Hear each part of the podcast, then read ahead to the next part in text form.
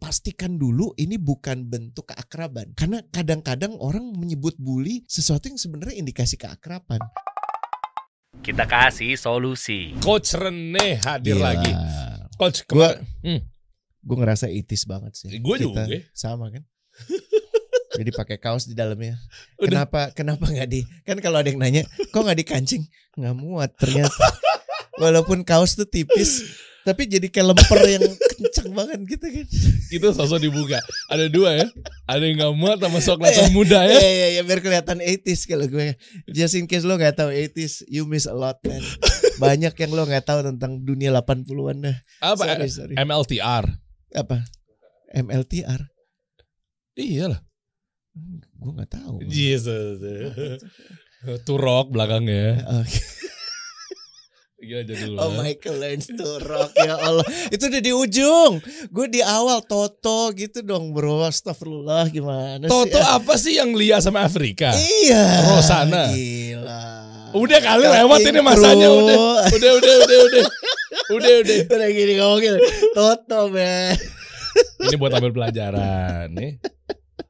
Oh, iya. Gitu. Jadi jangan menyesalnya di mana pun lo berada. Iya. Ya, kami pun dulu juga di situ gitu kan. Ya Allah. So Backstreet Boys banget sih. Oke kita mulai mulai. Jadi gini coach. Heeh. Mau kayak gimana pun gaya kita apa segala macam. Biasanya tuh orang mau setampilan keren apa pun. Ada aja ngebully. Percaya gak coach? banget. Iya kan? Selalu ada yang suka, ada yang nggak suka. Iya. Dan yang gak suka lebih outspoken biasanya ya. Biasanya Lebih gitu. bilang lo apa sih tengil banget gitu.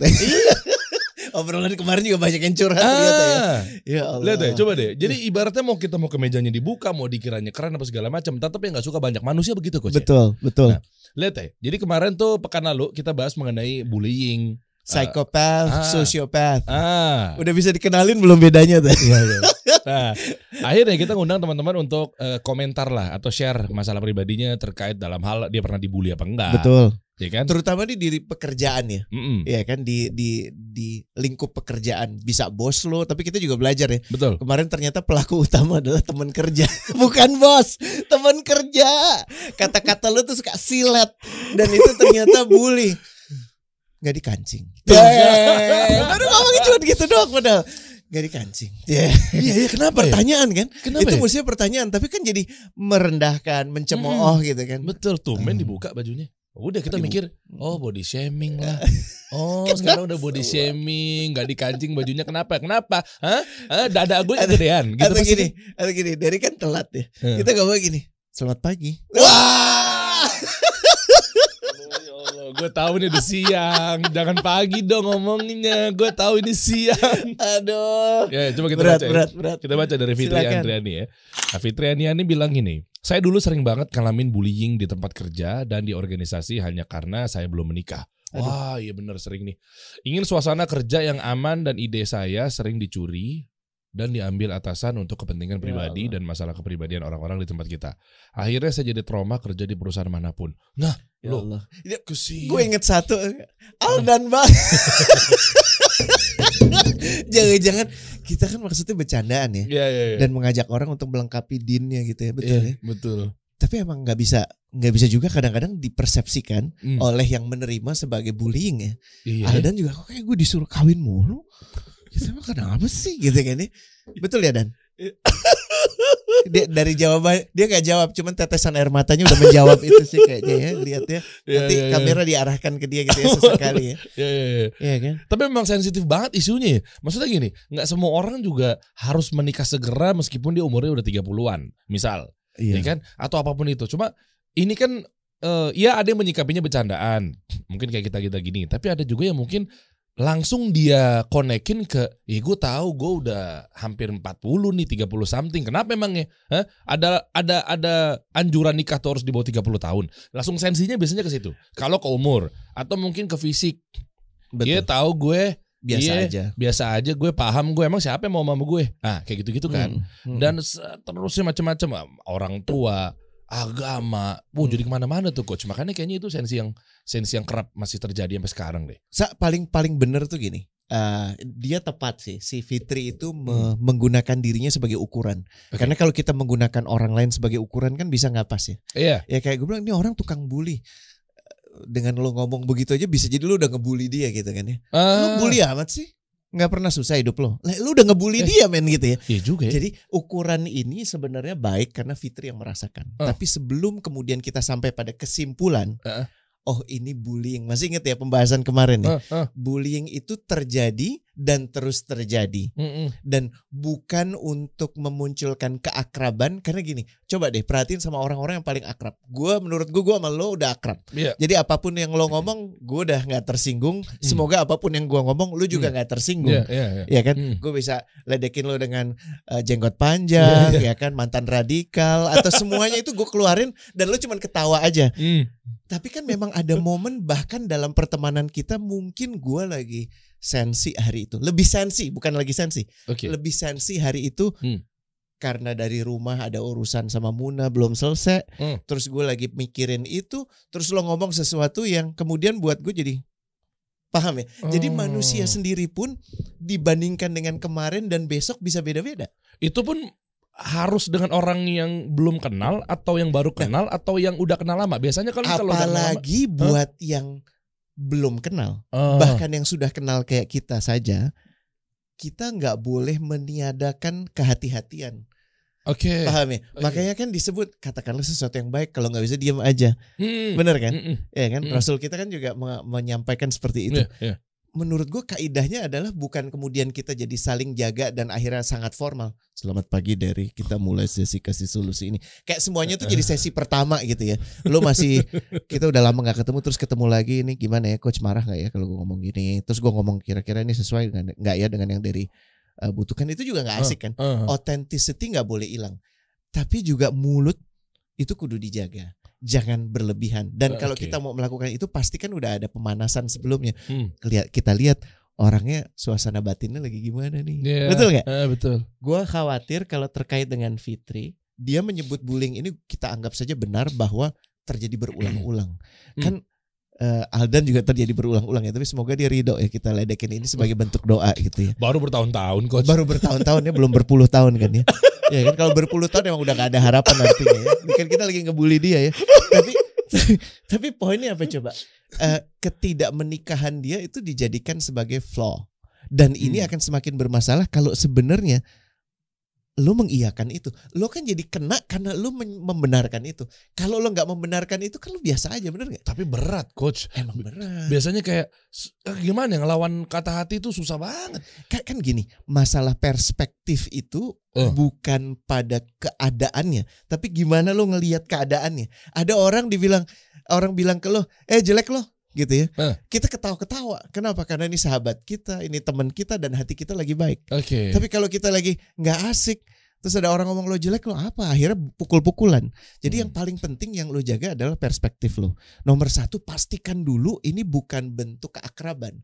Karena kadang-kadang orang menyebut bully sesuatu yang sebenarnya indikasi keakraban. Kayak gue Hmm. kalau di sini kan kalau gue masuk kasih solusi ya kawan-kawannya, gue biasanya masuk, eh apa kabar? Selamat pagi orang-orang gak berguna gitu kan. Iya. biasanya ngomong gitu kan. Iya iya. Terus ini, ada- ini, ini kocerannya banget kalau ke kan? kantor kita. Iya kan si Rismi terus kalau udah lama kok gue nggak dibilang nggak berguna coach. Jadi itu jadi panggilan sayang, bener gak sih? Eh, betul. Iya kan, gue nggak merasa lo nggak berguna, tapi gue merasa kalau gue cuma menyapa assalamualaikum warahmatullahi wabarakatuh untuk orang yang udah gue kenal, jadi nggak lebih dalam lagi dong hubungan gue sama dia. Eh, Tapi gue ingin membuat eh, dan sampai sekarang gue masih belum berhasil ya. apa tuh? Si si Aldan tuh bisa curhat tentang gue kenapa dia belum nikah nikah gitu kan? Mungkin ada yang bisa gue bantu gitu kan?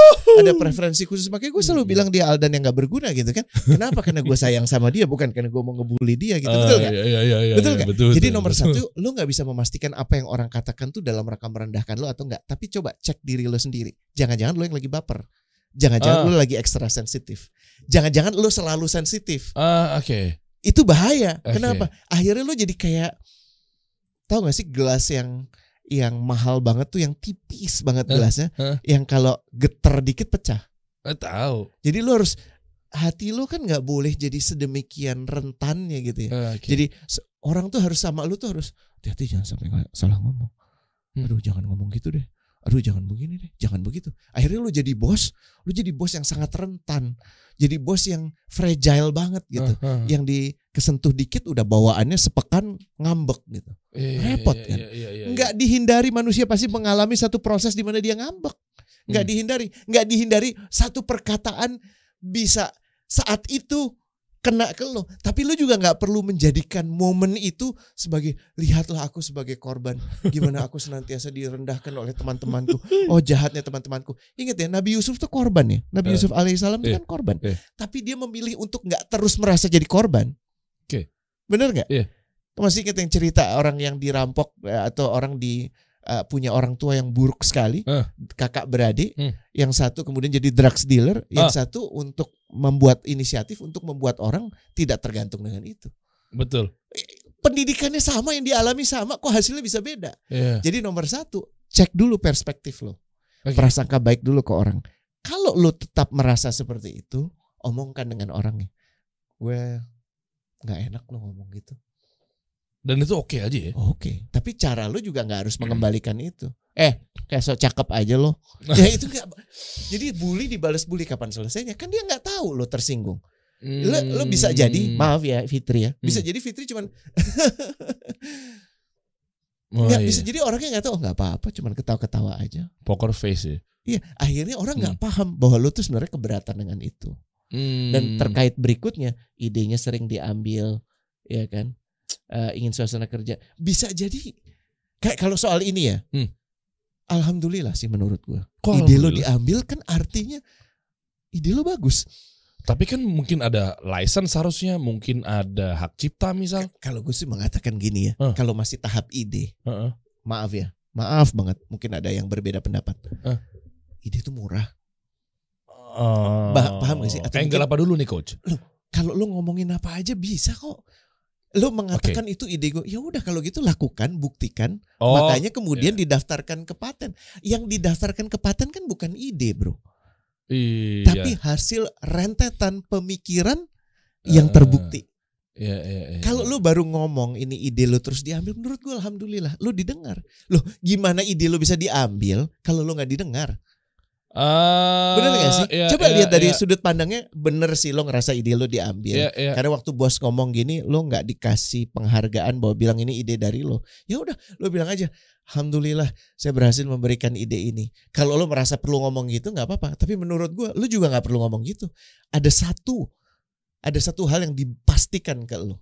Kalau emang ini dari lo, catatan Allah nggak akan meleset. Hmm. Dan apabila ide lo ini dijalankan, walaupun yang menjalankan bukan lo, Hmm. lo dapat manfaatnya. Tetap. Masih ingat tetap ya, jariah tuh. host Cokro Aminoto? Eh, eh. ya beliau mengidekan apa gimana kalau kita ngatur diri kita sendiri Indonesia merdeka itu kan ide bro Eh, eh, eh. ngomong ngomong ngomong ngomong ngomong ngomong ngomong ngomong ngomong apa Mas Cokro Aminoto terus bilang ke Pak Karno sama Pak Hatta lo ngambil ide gue lo kita nggak merdeka merdeka dan Eh. Pak Pak Cokro Aminoto wafat tahun 43 loh men dua tahun sebelum Indonesia merdeka Uh. dia nggak nikmatin idenya tapi jariah dia gue percaya banget gue percaya banget Eh, eh. setiap hal yang kita rasakan di alam yang merdeka ini, Mm-mm. yang keamanannya terjamin ini, host Cakraminoto dapat awal jariahnya. Hmm. Kalau lo mikir kayak gitu, enteng.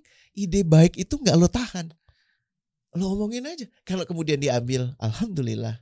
Nggak diambil, Oh, ya iya, disempurnakan. Iya. Lo nggak diakuin, Allah udah tahu.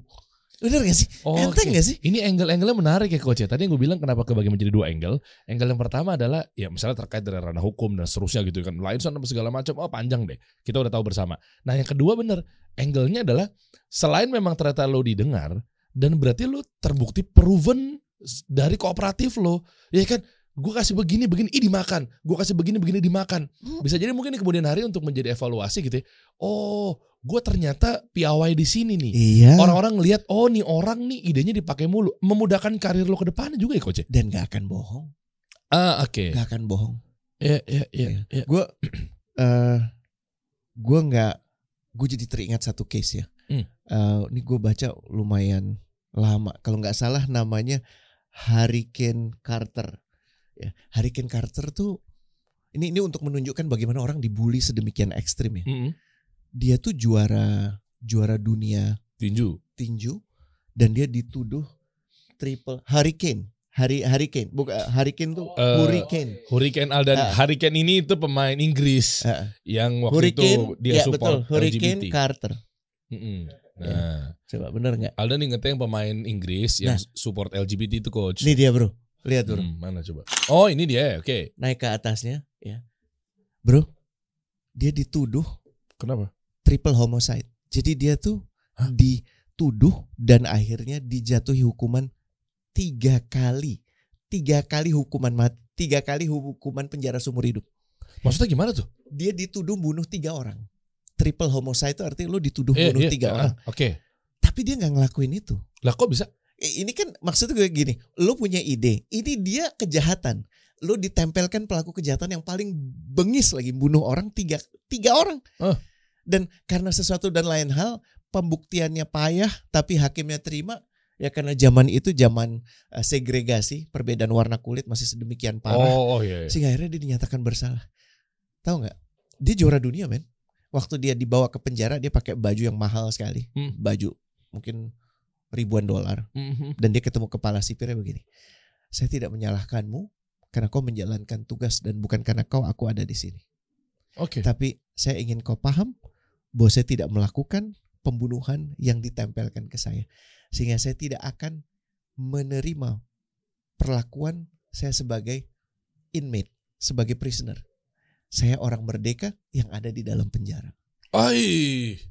Dia di penjara 19 tahun dan dalam proses 19 tahun itu dia mendalami hukum, dia mendalami tata negara, dia mendalami filosofi, dia mendalami spirituality dan akhirnya dia bisa setelah 19 tahun memutarbalikkan kenyataan bahwa dia membunuh.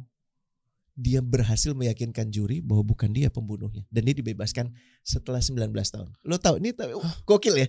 Gokil ya? Caranya gimana? Loh dia dengan belajar itu dan dia tidak pernah putus asa menulis mungkin nggak dia cuma nulis sekali surat ke hakim atau ke Oh, enggak itu. dong. Itu dia pasti ratusan begging ribuan be- ah, kali Beggingnya berkali-kali pasti. dan dia akhirnya diberi kesempatan itu dan atas izin Allah dia dibebaskan setelah 19 tahun pas dia keluar apa dia minta maaf minta "Eh, gue 19 tahun di penjara karena lo salah bayar Terus? dia bilang ini episode hidup gue yang gue emang harus lalui gue mensyukuri bahwa sudah ada di dalam penjara itu Eh kok keren sih ini orang? Bro, gue cuman ngomong gini, lo boleh ngomong perspektif, lo boleh ngomong dibully. Ini orang dituduh ngebunuh dan orang lain, orang-orang lain yang ada di pengadilan percaya lo bunuh. Tapi kalau lo nggak merasa begitu, aman-aman aja. Ya, ya, Paham nggak? ya, Karena ya, ya. perspektif dia terserah orang punya perspektif lain karena gue nggak bisa mengendalikan perspektif orang. Tapi gue tahu perspektif gue sendiri bahwa gue bukan pembunuh. Hmm. Sehingga walaupun orang mengatakan gue tertuduh, gue bersalah, gue di penjara, gue melalui proses itu, tapi gue tidak akan pernah merasa seperti itu. Wah ini levelnya udah di atas bully nih. Bully mungkin baru ucapan dan seterusnya. Ini Tapi penuduhan. bentuk iya. bully kan yang dia alami. Iya betul. Makanya lebih dari itu dahsyat. Sehingga lo nggak ada alasan untuk baru diambil karyanya, terus lo ngerasa itu alasan untuk lo kemudian jadi nggak perform. Udah nggak percaya lagi sama perusahaan. Ya nggak bisa. Hmm. Selama masih ada peradaban bakal ada perusahaan. Kalau lo kemudian lo di, diambil idenya, lo marah, fine. Tapi lo nggak punya perspektif lain itu salah lo jadinya. Iya, iya. iya. Paham ya? Mm-mm. Dan kemudian lo menggunakan itu sebagai alasan untuk lo nggak perform, salah siapa? Bisa Ya salah lo juga. sih. Salah orang adalah ngambil ide, nggak ngomong, nggak minta izin, nggak menghargai lo. Tapi salah lo adalah merasa bahwa lo selamanya akan ada di situ. Hmm. Paham ya? Iya. Iya, Ya. iya, iya. Balik ke Wah. percakapan tadi ini. Ini ini ini ini termotivasi loh. Gokil ya? Iya loh. Iya, maksudnya gini. eh, eh, masalah ide, nah, coba kita lihat. Hmm. Masalah ujung-ujungnya dia trauma. Sekarang juga nggak mau kerja di perusahaan mana pun. Itu kan keputusan lo yang akhirnya akan menyesatkan hidup lo dengan segala hormat ya Fitri ya. Itu pilihan ada di Fitri. Ya. Coba Fitri bayangkan ada di hidupnya si Hurricane Carter itu tadi. Kayaknya mungkin bukan trauma kerja di perusahaan, kayaknya trauma hidup kayak di coach. Iya.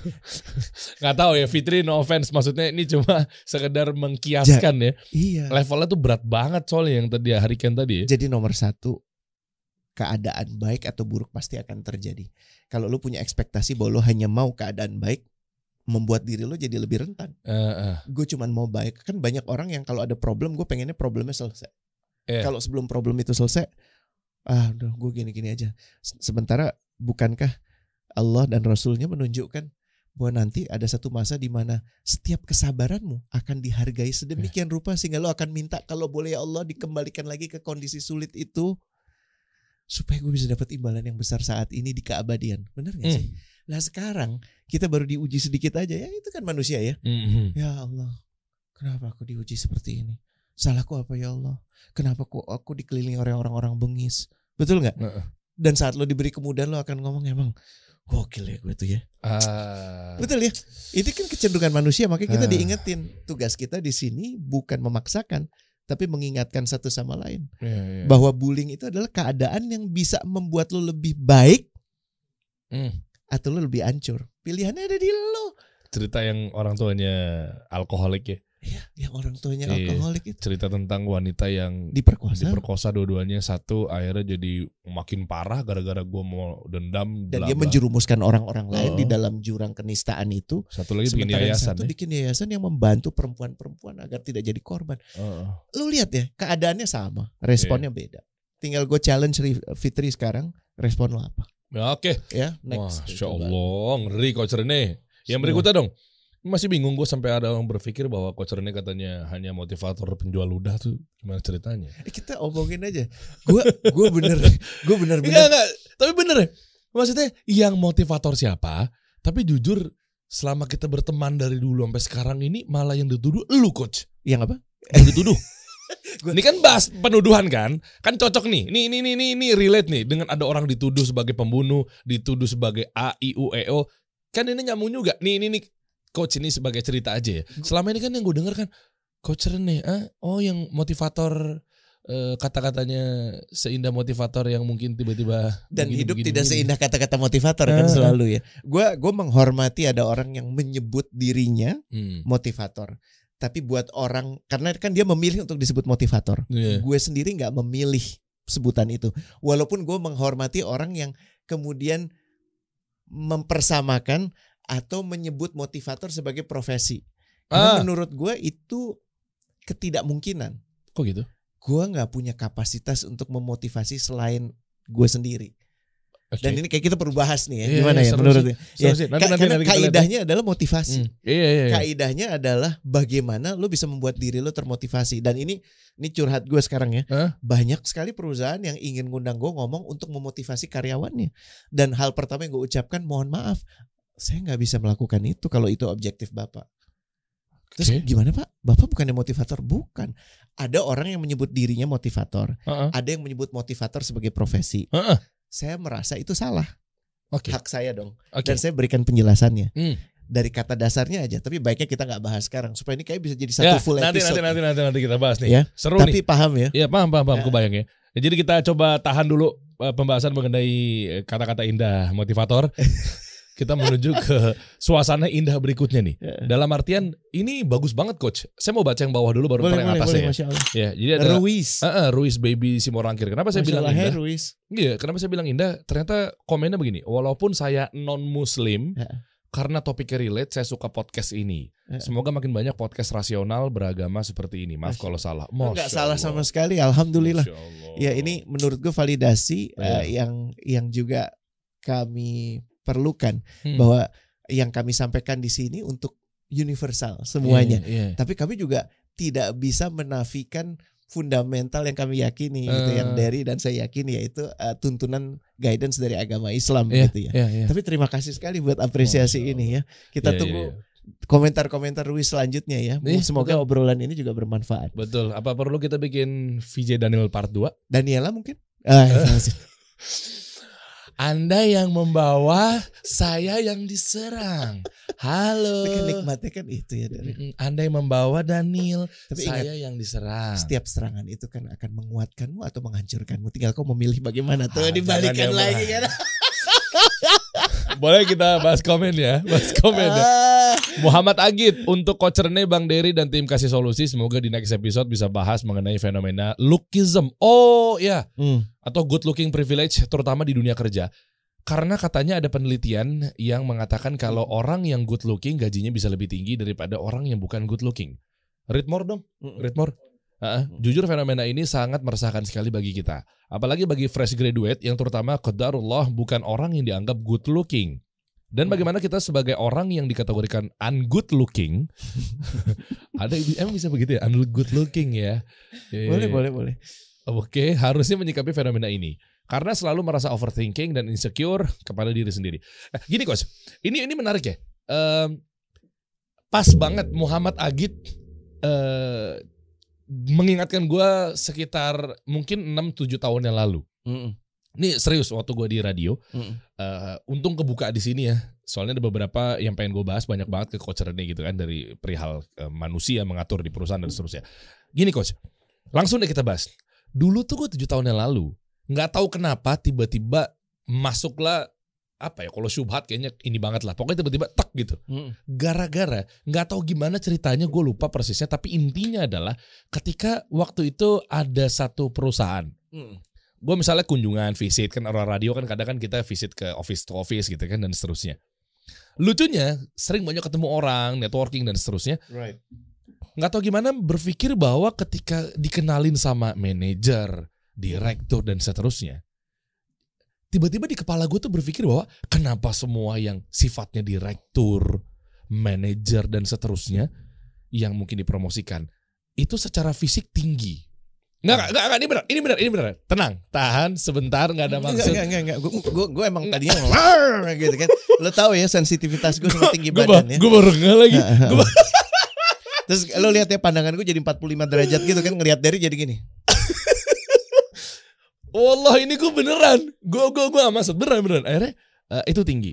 Ini versi gue ya. Eh, nyambung itu mengenai mungkin dari belum ke muka dulu deh.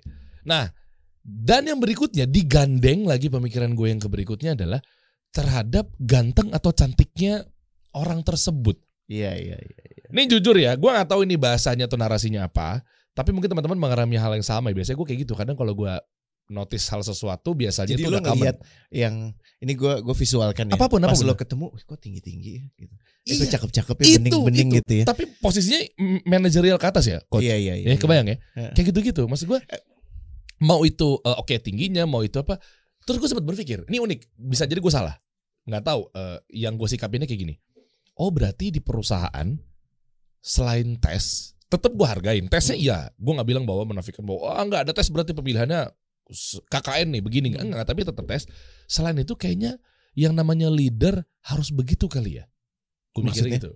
Eh, let's say misalnya buat eh, dealing sama brand dan seterusnya. Maksudnya kan dibutuhkan good looking, dibutuhkan Iya. eh, didengar. Jadi mewakili uh, image yang dibutuhkan perusahaan saat mewakili yang lain. exactly. Iya. Eh, kita nih butuh pembahasan spesifik tentang ini dan ini uh, lookism ini juga gue baru ngerti ada namanya lookism itu menarik banget ya. iya, iya, iya. Eh, uh, heightism juga ya, tinggi badan gitu ya. Iya benar Dan benar. kita Eh. mempertanyakan kenapa ya kok jadi jadi model harus tinggi itu ya atau Heeh. jadi jadi pramugari harus tinggi-tinggi gitu ya sampai Hmm. kemarin gue baru dari Medan kan. Hmm. Terus gue ngelihat ada pelampung, ada di atap, Pelampung di mana? ada di atap. Pelampung Pelampung. di atap di ini pelampung plafon. kapal, Di, di plafon. plafon Kok ada di situ? ada. Dan kalau lo nggak tinggi, ya efek sih buatnya mencapai itu. Jadi satu, gue merasa kalau dulu tuh mungkin supaya kelihatan maskapainya kelihatan keren sah, betul sih ada keinginan itu gue yakin. Gue mikirnya juga gitu. Tapi di sisi lain tingginya itu juga dibutuhkan untuk bisa menggapai hal-hal yang kecuali lo tinggi lo nggak bisa dapat itu. Itu kan Itu- kabin coach. Tapi Kabin kan ya. kalau perusahaan Nah ini perusahaan misalnya ya. Eh gue cuma menggunakan ilustrasi Oh, itu oke, untuk oke. memberikan gambaran bahwa kalau misalnya ada orang lima orang aja kepandaiannya sama, lulusannya sama, yang paling kelihatan yang mana? yang tinggi. Yang paling tinggi, yang paling putih, Hmm. yang paling bening. Hmm. Dan kalau dia udah diangkat, ya kan? Hmm. Kemudian dia duitnya lebih gede kan? Iya. Sehingga dia bisa lebih mampu untuk perawatan mak muka, ya kan? Hmm. Dia lebih mampu buat liburan sehingga mukanya nggak senap, gitu kan? Bener nggak? Bener nggak? Akhirnya dia akan terus jadi lebih tinggi. Ini kan sebenarnya yang mengakibatkan jebakan kemiskinan kita itu karena tidak dibukakannya akses. Kenapa? Oh. Karena pada saat orang miskin itu Oh, oh. hanya mampu dari satu RT ke RT berikutnya, Hmm.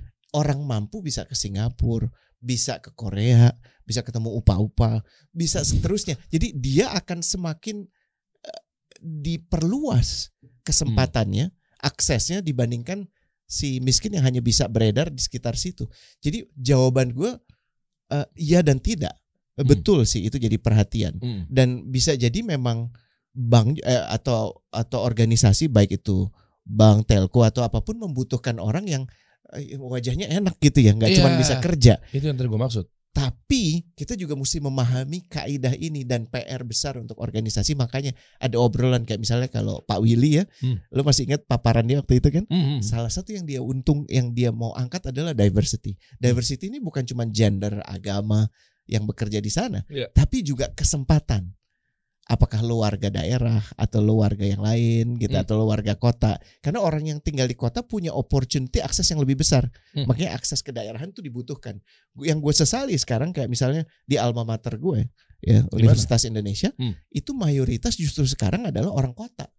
Padahal kalau dulu teman-teman itu mayoritas justru dari daerah. Akses yang sekarang dipersempit. Ini ini Hmm. kritik self kritik ya Hmm, hmm, hmm. gitu. Hmm. Karena menurut gua kecuali secara sadar lo membuat langkah itu eh, nggak akan baik buat universitas, nggak akan baik buat organisasi juga. Contoh orang-orang yang hanya mendudukkan orang-orang tinggi, orang-orang cakep, Ya. orang-orang tajir untuk di posisi direksinya pasti punya keterbatasan untuk memahami selain dari dunia itu. Hmm. Paham ya? Ya, ya, Jadi ya. untuk sementara gue akan bahasnya adalah eh, keputusan itu dipahami dan tidak boleh kita menyalahartikan itu sebagai bentuk diskriminasi. Hmm. Diskriminasi tinggi badan nih orang pendek yang ngomong ya. Hmm. Gitu ya. Diskriminasi eh, the look, diskriminasi agama atau apa. Nggak nggak boleh lo serta merta menuduh menuduh mereka seperti itu. Hmm. Karena ada alasannya. Di samping namun selain itu, merekanya juga mesti sadar bahwa ada perspektif itu. Contoh ya, Abercrombie and Fitch itu salah satu brand eh, luar negeri Eh, ya. yang me- yang dipersalahkan oleh pengadilan karena mereka mempekerjakan orang yang tinggi dan ganteng dan putih. Salahnya di mana? Ini apa namanya? Diskriminasi. Diskrimina. Oh, iya. Diskriminasi di Amerika tuh jelas banget. Cuman yang membuat akhirnya brand ini kepukul, Hmm. ini nanti kita bahas lebih detail ya. Hmm. Bukan pengadilannya, tapi nanti kita bahas ya. Ya, kita bahas apa ya efeknya. Hmm. Ternyata bukan di pengadilannya. Nanti kita bahas deh. Oh, Ya oke. supaya ada teaser dikit Iya, gitu kan. betul, Dari betul. seneng yang kayak gitu ya. betul betul. Tapi paham ya, kita ini relate banget ya. Eh, unit eh, kita akan bahas khusus buat Muhammad Akhid. Oh. Mungkin kalau nggak pekan depan dua pekan lagi. Boleh, boleh setuju. Ya, obrolan soal lukism ini dan kalau kawan-kawan Betul. juga merasakan ini juga silahkan komentarin. Dan ini ada hubungannya juga sama pemain bola gak sih coach? Kayak kemarin misalnya di Argentina Mm-mm, yang juara Piala Dunia kemarin kan. mm-mm. Eh, artinya kalau gue lihat di Argentina kan yang naik ke stage podium nggak ada orang kulit hitamnya, putih semua. Kalau sadar ya, Mm. eh, koreksi kalau salah ya. Tapi rata-rata begitu. Nggak tahu kalau pemain-pemain sebelumnya, iya nggak sih? Kalau Gitu. eh, Argentina itu lu Putih mesti semua. paham ya. eh, putihnya Argentina. Memang dari ras ya. putihnya Argentina itu kan percampuran antara warga negara wa, apa antara penduduk lokal Hmm. Indian Heeh. bahasanya Indian ya Iya. Eh, lokal dengan Spanyol jadi bahasanya tuh mestizo mestizo tuh laki-laki yang campuran antara penduduk lokal dengan penduduk eh, asing yang dalam Tapi ada ini ada kulit hitamnya kan? budak sih rata-rata yang didatangkan ke situ Nah artinya ini kan ada gap ya. Maksudnya kalau pemain bola itu, gue nggak tahu ya. Mungkin ini lebaynya gue aja mikirnya kayak gitu. Isinya tuh putih semua kulitnya.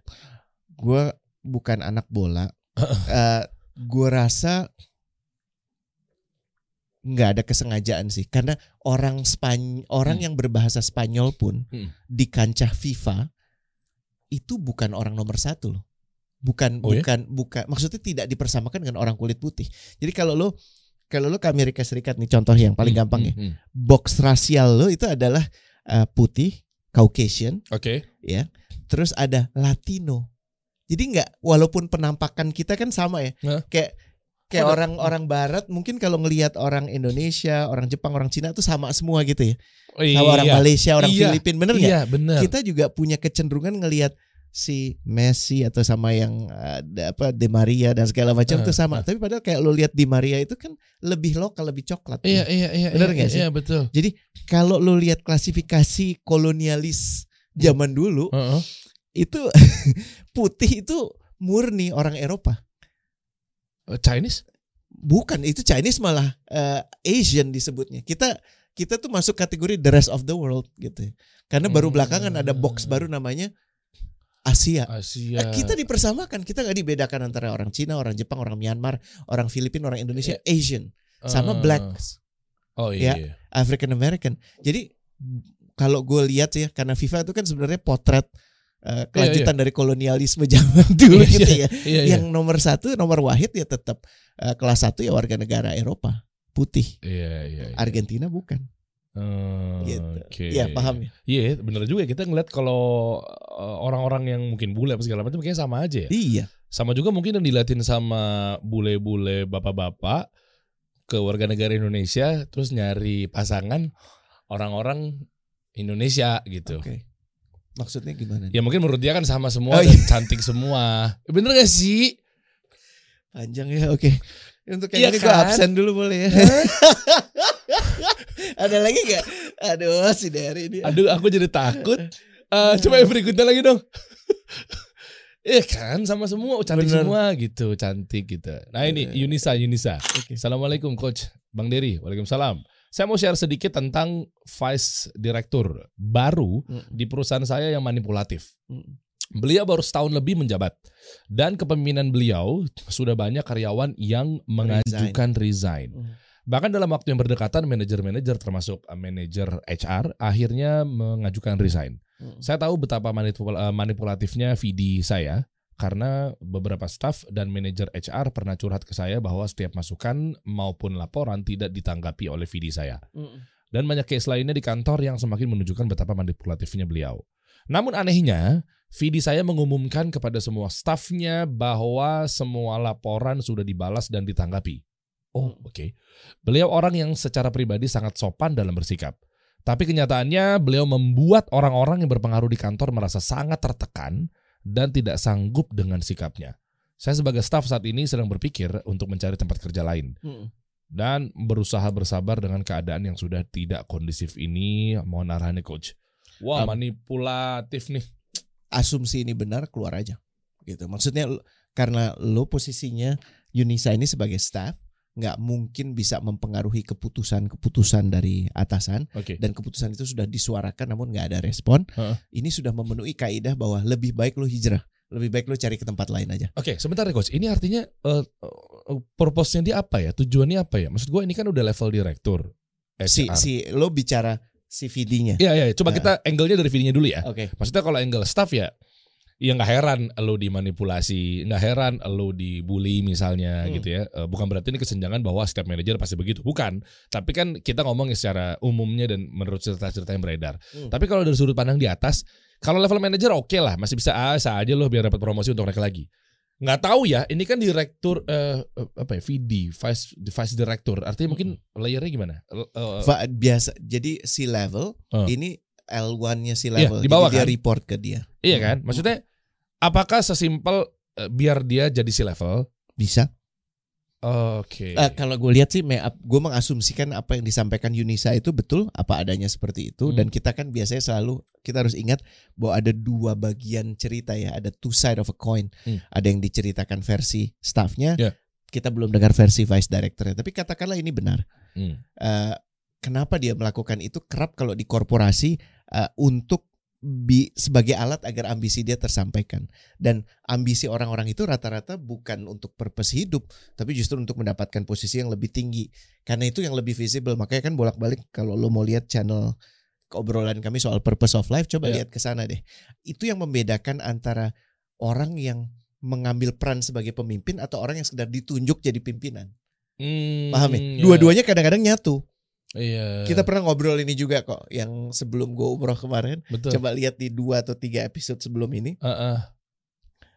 Indikator itu bisa lo jadikan sebagai pegangan. Karena kalau lo udah ngelihat bos lo memberikan tanda-tanda dia cuma sebagai pimpinan, semakin lama lo di situ, semakin lo akan terbiasa dan mengatakan ini normal.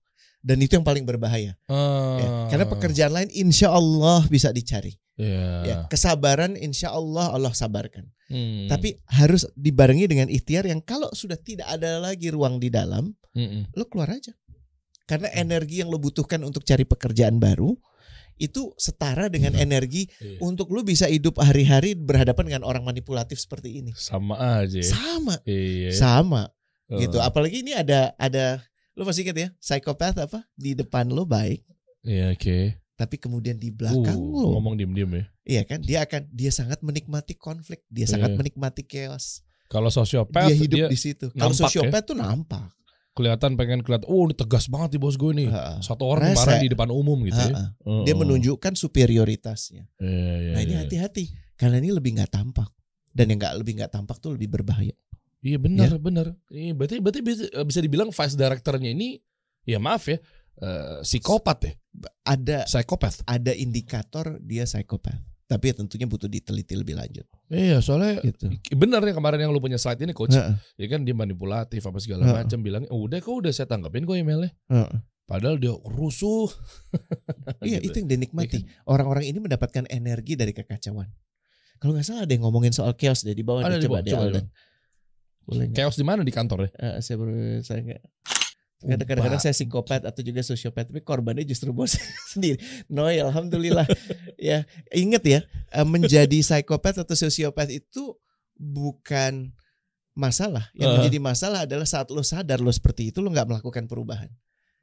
Ba- banyak ya Ka- karena gini kadang-kadang elemen itu dititipkan supaya lo bisa menjalani kehidupan yang emang berat Iya. paham ya Oke. jadi ada elemen itu di dalam hidup lo Iya. mungkin bapak lo emang katro gitu ya atau Iya. ibu lo kenceng banget jadi lo butuh untuk melindungi diri lo dengan seperti ini tapi jangan dibiarkan kalau sekarang lo udah dapat ilmu ini Mm-mm. diaplikasikan untuk lo mesti punya kesadaran bahwa eh gue punya kecenderungan itu jadi gue Hmm. harus lebih dengar orang gue harus lebih memahami orang gitu Hmm. itu bagus sekali alhamdulillah ya Noy ya terima kasih untuk penyampaiannya Iya iya iya iya. ya kan Terus ada Benny Ok nih, langsung aja ke statement Eh, ini. eh, Nih, malah beberapa kali gua kena omongan, lo mah didengerin sama si bos kalau ngomong. Walaupun mereka nggak tahu kalau itu setelah berkali-kali ide gue ditolak. heeh. Gue yang selama ini pede sama ide-ide yang gue yang karena selalu diapresiasi jadi males buat berbuat lebih ke organisasi karena organisasi lebih suka orang yang nurut walaupun dia tahu perintah itu salah. Hmm. Ah, ini kayak gini-gini juga asik juga nih coach bahas nih coach. Iya. Ya, Jadi dia cabut dari organisasinya gara-gara seakan-akan tuh maksudnya lu mah lu doang lu yang didengerin. Padahal sementara dia udah melakukan banyak hal eh, banyak yang ditolak juga ide-idenya. Berarti ini apa ya? eh isunya datang dari organisasinya biasanya. nggak Oh. sehat. Bukan bosnya, eh, Iya. partner kerjanya, rekan kerjanya dan seterusnya. Sampai titik di mana si bos besar suruh gue diem aja dan ikutin dia karena dia yang lebih tahu perusahaannya. Mm. Ah, ini. Karena pegawai yang curhat Iya. pegawai-pegawai pada kayak ini sini begini, ini sini begini. Tapi sementara bosnya percaya sama satu orang. Udah pokoknya gue percaya sama lo. Itu kan kayak gitu-gitu. Kita nggak bisa milih bos ya. Bener nggak? Iya. Kalau lo ada beberapa orang punya privilege itu mungkin, Ah. ya gue nggak mau kerja sama dia di bawah dia, gue mau kerja sama ini dan dikabulkan sah. Tapi mayoritas kita nggak bisa memilih bos. Dan pada saat kita menjadi anak buah bos yang bermasalah itu sebenarnya eh, kesempatan ruang buat kita untuk uji kesabaran. Masih ingat ya? Hmm. Kalau nggak salah namanya Imam Abu Mursyid menyatakan bahwa manusia itu cuma ada di empat keadaan. Yang pertama itu keadaan blessings, Hah? ya, eh, di mana lo ngerasakan eh, apa yang sudah Allah berikan. Oke. Jadi di sini yang kita perlu lakukan apa bersyukur. Ya. Ya kan yang kedua itu adalah keadaan lo diuji Hmm. dengan musibah, Mm-mm. ya kan? Hmm. Dan ada kebaikan di dalamnya kalau aja lo tahu gitu kan. Hmm. Cuman rata-rata kita tertutupi oleh yang yang ada di depan mata. Iya. Yang kita harus lakukan di sini adalah apa coba?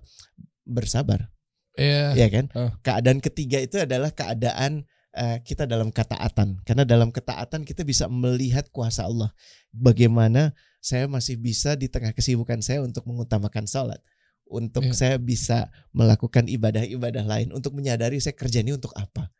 Ya, untuk kemudian saya memilih antara yang baik walaupun berat dan yang salah walaupun gampang saya milih yang baik, Iya. yang benar Heeh. ya kan ini kan bentuk kuasa Allah Hmm. keadaan keempat adalah lu dalam keadaan ketidaktaatan Hmm. ya kan bos lu nyuruh apa saya nggak punya pilihan lain ya kan mau boleh mau gimana tapi kan lu sadar itu salah Iya. jadi tanggung jawabnya ada di lu sehingga yang keempat ini rumusannya cuma satu taubat Hmm. ya kan jadi cuma empat keadaan itu Mm-mm. lu ada di mana Mm-mm. So, bos itu wajib ditaati sebagaimana orang tua wajib ditaati Hmm. kecuali saat yang diminta menyelisihi apa yang diminta oleh Allah diwajibkan oleh Allah dan Rasulnya Hmm. paham ya Betul. pada saat lu menjalankan wajib menjalankan perintah bos tunduk sama bos wajib kalau nggak hancur kita nggak Iya, ada nggak ada tatan nggak ada tatanan Hmm. cuman pada saat kau tahu yang diminta itu menyelisihi menyalahi apa yang dianjurkan oleh agama oleh Allah dan Rasulnya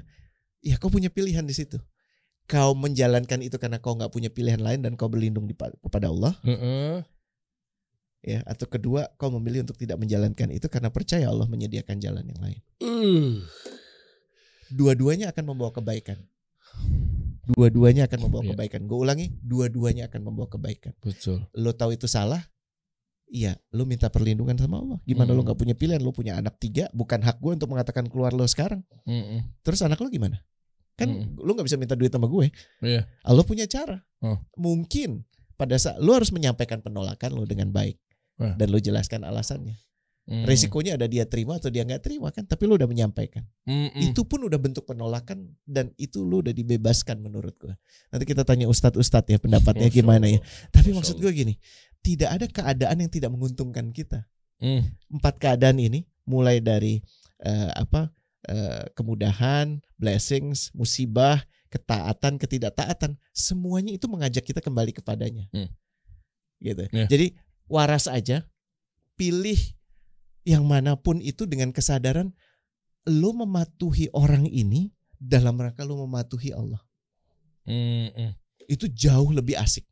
Betul, sama halnya dengan ketika kita taat sama pemimpin ya Goce. Hmm. Misalnya di pemerintahan apa segala macam. Artinya tadi benar ya, kita taat dalam hal yang ma'ruf, Hmm. bukan hal yang menyelisihi Hmm. eh, atau kemaksiatan dan seterusnya. Hmm. Makanya kita harus tahu ketika nanti ada pemimpin yang kita cek pemimpin Hmm. ini berarti harus betul-betul yang bisa membawa kita dalam kebaikan. Betul. Bukan berarti malah Track menyesatkan. recordnya kan menunjukkan itu. Hmm. Makanya sebelum lo masuk, kalau lo bisa ngecek perusahaannya, Hmm. itu jauh lebih baik kan daripada kucing dalam karung gitu ya. Lo masuk Iya. ke perusahaan ternyata gua harus karaoke, ternyata gua harus nemenin ini. ya sebenarnya sih bisa dicek ya. Kan dalam interview bukan masih ingat ya chapter kita soal interview, Eh, bukan cuma perusahaan mengenal lo, lo mengenal perusahaan. eh, betul. Kalau indikasinya udah nggak baik nggak baik. Gue cuma minta waktu sedikit lagi mumpung waktu Hmm. kita masih ada. Boleh, boleh, boleh. Boleh minta ininya nggak? gue mau tampilkan di layar karena kemarin Apa? terkait psikopat dan Oh. dan ini cuma baru satu rekomendasi. Oh, kirain mau menampilkan lain. tadi terkait bahas pemimpin mau ada satu foto-foto yang sekiranya arahan dari coach Rene kira-kira siapa yang layak menjadi pemimpin negara. Insya Allah Derry apabila Allah izinkan dipantaskan. Mau Siapa tahu lo diundang Kang Dedi gitu ya untuk Nggak usah siapa yang lo- dipojokin. Saya memang mau Nah. nyalon karena rambut saya udah agak panjang. lumayan. Warnanya apa? Oke, anyway. Bukan dicat Anyway, rambutnya. anyway, anyway, anyway, anyway. Iya, cat rambutnya kan? Iya, Enggak, bukan enggak. dicat rambut, Bukan ya, dipotong. Oke. Mm-mm. Yang penting jenggot tetap panjang. Bismillah. Eh, jadi gue cuman ingin menyampaikan yang pekan lalu kita Iya. kan ngomong masih ingat ya, Eh. boleh aja jadi korban perundungan, namun jangan terus-menerus merasa jadi korban. Mm-mm. Ingat ya, yang salah itu terus-menerus jadi korban. Lo ngerasa, eh kok gue diginiin ya, it's fine, Hmm. ya kan? Tapi kalau lo kemudian gue emang selalu diginiin, ada kata-kata selalunya tuh udah jelas salah. Masih ingat ya? Oh. Jadi nomor satu, Ingat ya Nabi Yusuf memang betul jadi korban dan ada waktu dia merasa kenapa gue diginikan, Hmm. gitu ya. Tapi lebih sering kemudian dia setelah itu tidak merasa lagi jadi korban. Iya. Justru orang yang ngerjain dia ngerasa jadi korban. Kakak-kakaknya kan, lihat kan Hmm. si istrinya eh, apa eh, pembesar itu kan, betul ya? Iya, iya juga ya. Paham ya? Para imam juga begitu tuh. Iya. Jangan merasa terus-menerus jadi korban. Iya. Iya. Imam empat madhab, Iya. iya kan? Imam Semuanya Ahmad, jadi korban. Imam Syafi'i, ada yang di penjara, ada yang di apa? Dia tak sa- sabar. Iya. Gue tahu Masih kok. ingat chapter itu ya? Masih Iya, ingat ya iya, tadi? iya, iya, iya. Dan ini nomor dua stand your ground. Stand your ground tuh maksudnya gini, kalau Hmm. lo yakin, apalagi dengan ilmu ya, yang celaka itu yakin tapi lo gak punya ilmu gitu kan. Jadi ilmu lo gini, menurut saya yang nggak bisa, nggak ada pegangan itu. Iya, iya, ya iya, makanya iya, iya. itu gunanya mengamati channel ini Iya, gitu ya, betul. belajar dari guru-guru kita. Hmm. Ilmu bermanfaat adalah ilmu yang mendekatkan kita dengan Sang Pencipta. Dan kalau kita punya ilmunya, kita tahu itu salah, stand your ground. Saya tidak bisa melakukan ini karena ini menyelisih apa yang saya yakini. Oh bukan Maaf malah ya, Pak. nge- ngejatuhin reputasi, Oh, bukan. kredibilitas dengan ngomong seperti itu. Soalnya ada orang katanya yang anti maaf, jangan diartikan secara harafiah ya. Bukan dia berarti bukan eh, nggak pernah minta maaf gitu ya. Tapi kadang ada strategi-strategi khusus. Biasanya para direksi yang kalau gue ngomongnya maaf, seakan-akan gue jatuh Lemah. dong, lemah dong. yaitu justru menunjukkan kelemahan dia sih. Oh iya. Ah, justru nanti kita bisa bahas lagi ya. Mm-mm. Kearifan kepemimpinan itu justru pada saat dia salah dia mengakui. Ah, jujur aja. Ya, jujur itu akan mengantar lo pada banyak hal, tapi Hmm. ketidakjujuran, penolakan kepada reality itu yang akan membuat lo jadi rempong. Ya, Jadi nomor Hmm. dua stand your ground, tapi ingat lawan dengan bijaksana. Oke. Lawan bijak dengan bijaksana tuh bukan demo ya, bukan bukan teriak-teriak, Iya. bukan marah-marah, banting-banting. Lo lihat deh kalau ada orang maki-maki orang lain di jalan, Hah. simpati lo ke yang maki-maki atau yang dimaki-maki. Oh. Paham ya? iya. Walaupun yang salah ternyata yang maki-maki awal, eh yang yang, yang dimaki-maki dimaki. Awalnya, tapi pada saat kemudian dia menjadi Arogan. orang yang benar justru memaki-maki, di situ dia luluh. Iya. Paham ya? Betul. Betul. Next adalah libatkan pihak lain yang dapat membantu. Mm. Ya kan? Karena bisa jadi lo nggak didengar, tapi orang yang paling busuk sekalipun dia mendengar beberapa orang lain. Hmm. Ya. Jadi coba menggunakan pihak lain Hmm. dan pihak lain itu bisa menjadi jembatan lo ke dia. Hmm. Gitu. Oke. Ya, keempat, Allah itu menjadikan orang di sekitarmu sebagai ujian untukmu sebagian ya. Hmm. Nggak semua ya. Pantaskan diri. Oke. Ya, jadi kalau kalau bawaannya lo baperan, apalagi ini udah berulang dari orang yang sama. Siapa yang bully lo istri lo? Ya kenapa juga lo kawinin gitu kan bener ya? Iya nggak? Iya nggak? Iya. Iya kan? Ya udah gitu. Dan ingat lo kan punya tanggung jawab bahwa kowam laki-laki itu tidak tergantung dengan emosi istri, emosi anak. Ya sesekali lo terbawa wajar, tapi jangan membiarkan itu kemudian mendefinisikan lo. Gue diperlakukan begini sama istri gue. Lah, repot loh. Hmm. Paham ya? Ya, ya, ya. gitu dan terakhir Eh. kisah hidupmu itu bisa jadi pelajaran untuk orang lain loh. Jadi Hmm. jangan sungkan untuk menyuarakan pengalaman-pengalaman hidup bahkan yang paling pelik sekalipun. Oh, tapi nanti gue buka aib loh. Buka aib itu tujuannya untuk komplain. Ya, Oke. tujuannya itu untuk dikasihani. Tapi kalau lo mengatakan hal yang sejatinya terjadi dalam konteks pembelajaran lo yakin untuk dia dengan medium yang sesuai, Mm-mm. ya, caranya sesuai, audiensnya sesuai, lakukan. Bahkan pada saat lo dijadikan korban, bukankah Allah menceritakan kisah Nabi Yusuf? Ya. Dia kan jadi korban banget. Ya, ya, ya. Beberapa mungkin, wah kok diperlakukan nggak senonoh kayak begitu loh. Justru diceritakan untuk jadi pelajaran buat lo. Mm-mm. Gitu nah, apa pun yang terjadi dalam lo Iya. itu ada karomah buat istri lo, buat anak lo, buat sahabat lo, buat orang lain. Tapi bercerita lo niatkan itu untuk hikmah, Iya bener ya. bukan untuk minta dikasihani, bukan untuk membenarkan lo. Lihat nih, gue jadi korban kan? Lah ngaco dong jadinya. Bener ya. Kadang tuh cerita-cerita atau mungkin histori kita yang kemarin yang lalu gitu kan orang mau ngangkat tuh kayaknya gimana Iya, gitu ya. kadang-kadang kawan-kawan yang yang yang apa kawan-kawan sesama muslim itu punya persepsi yang menurut gue nggak tepat gitu. Dan harus disamain lagi Iya, dia- semua perspektifnya. bisa dong. Iya, kayak eh, bukan kalau Allah mengangkat kisah tentang Lukman Iya. dan seterusnya gitu kan maksudnya eh, itu kan bentuk yang dimaksud di sini konteksnya adalah tentang story dalam kehidupan seseorang ya. Apa pun itu bentuknya ya. Iya. Mau itu, Itu kisah- pembelajaran dia. Iya. Dan semuanya pasti orang-orang itu mengalami empat chapter yang tadi. Pilihannya Hmm. ada di lo. Pada saat lo menjalankan ini dengan eh, dengan me- mencari ridha Allah, Iya. Paling buruk yang lo rasakan malah akan jadi sesuatu yang istimewa di sana. Dan yang paling asik lo rasakan itu justru akan mendekatkan lo sama sang pencipta. Hmm. Gitu. Jadi itu indah banget gitu. Kasus bullying ini bukan jadi kasus pelik. Jadi kasus pembelajaran. Jadi kasus kesabaran. Jadi Iya. kasus kebersyukuran. Masya Allah. Jadi lo lebih ngerti berhadapan dengan orang. Kan indah ya kalau dibuat kayak gitu. Wih. Gitu sih. Masya Allah. Masya Allah. Ya, memang indah dibuat seperti itu. Tapi ada bilang juga orang-orang Tidak seindah kata-kata motivator. Kita bahas itu rekan-rekan seru depan nih, ya. seru nih. ya. Soalnya Mau kenapa? dengerin? Iya seru nih. Kenapa? Karena kocernya tuh kerap kali dikatakan sebagai motivator lah dan seterusnya kata-kata. Lo lihat kan gue biasanya gitu kan. kita bahas tuh ya. Kan depan ya. Iya kata-kata seperti apa sih yang indah yang katanya motivator dan bener nggak sih semua kata-kata motivator tuh works Hmm. atau jangan-jangan si motivator juga nggak melakukan hal tersebut gitu Nah, dalam mungkin Itu yang paling celaka. Ya kan. bisnisnya Kita bahas ya nanti ya. Nah, boleh Ya. ya sampai ketemu di next week Kita kasih solusi.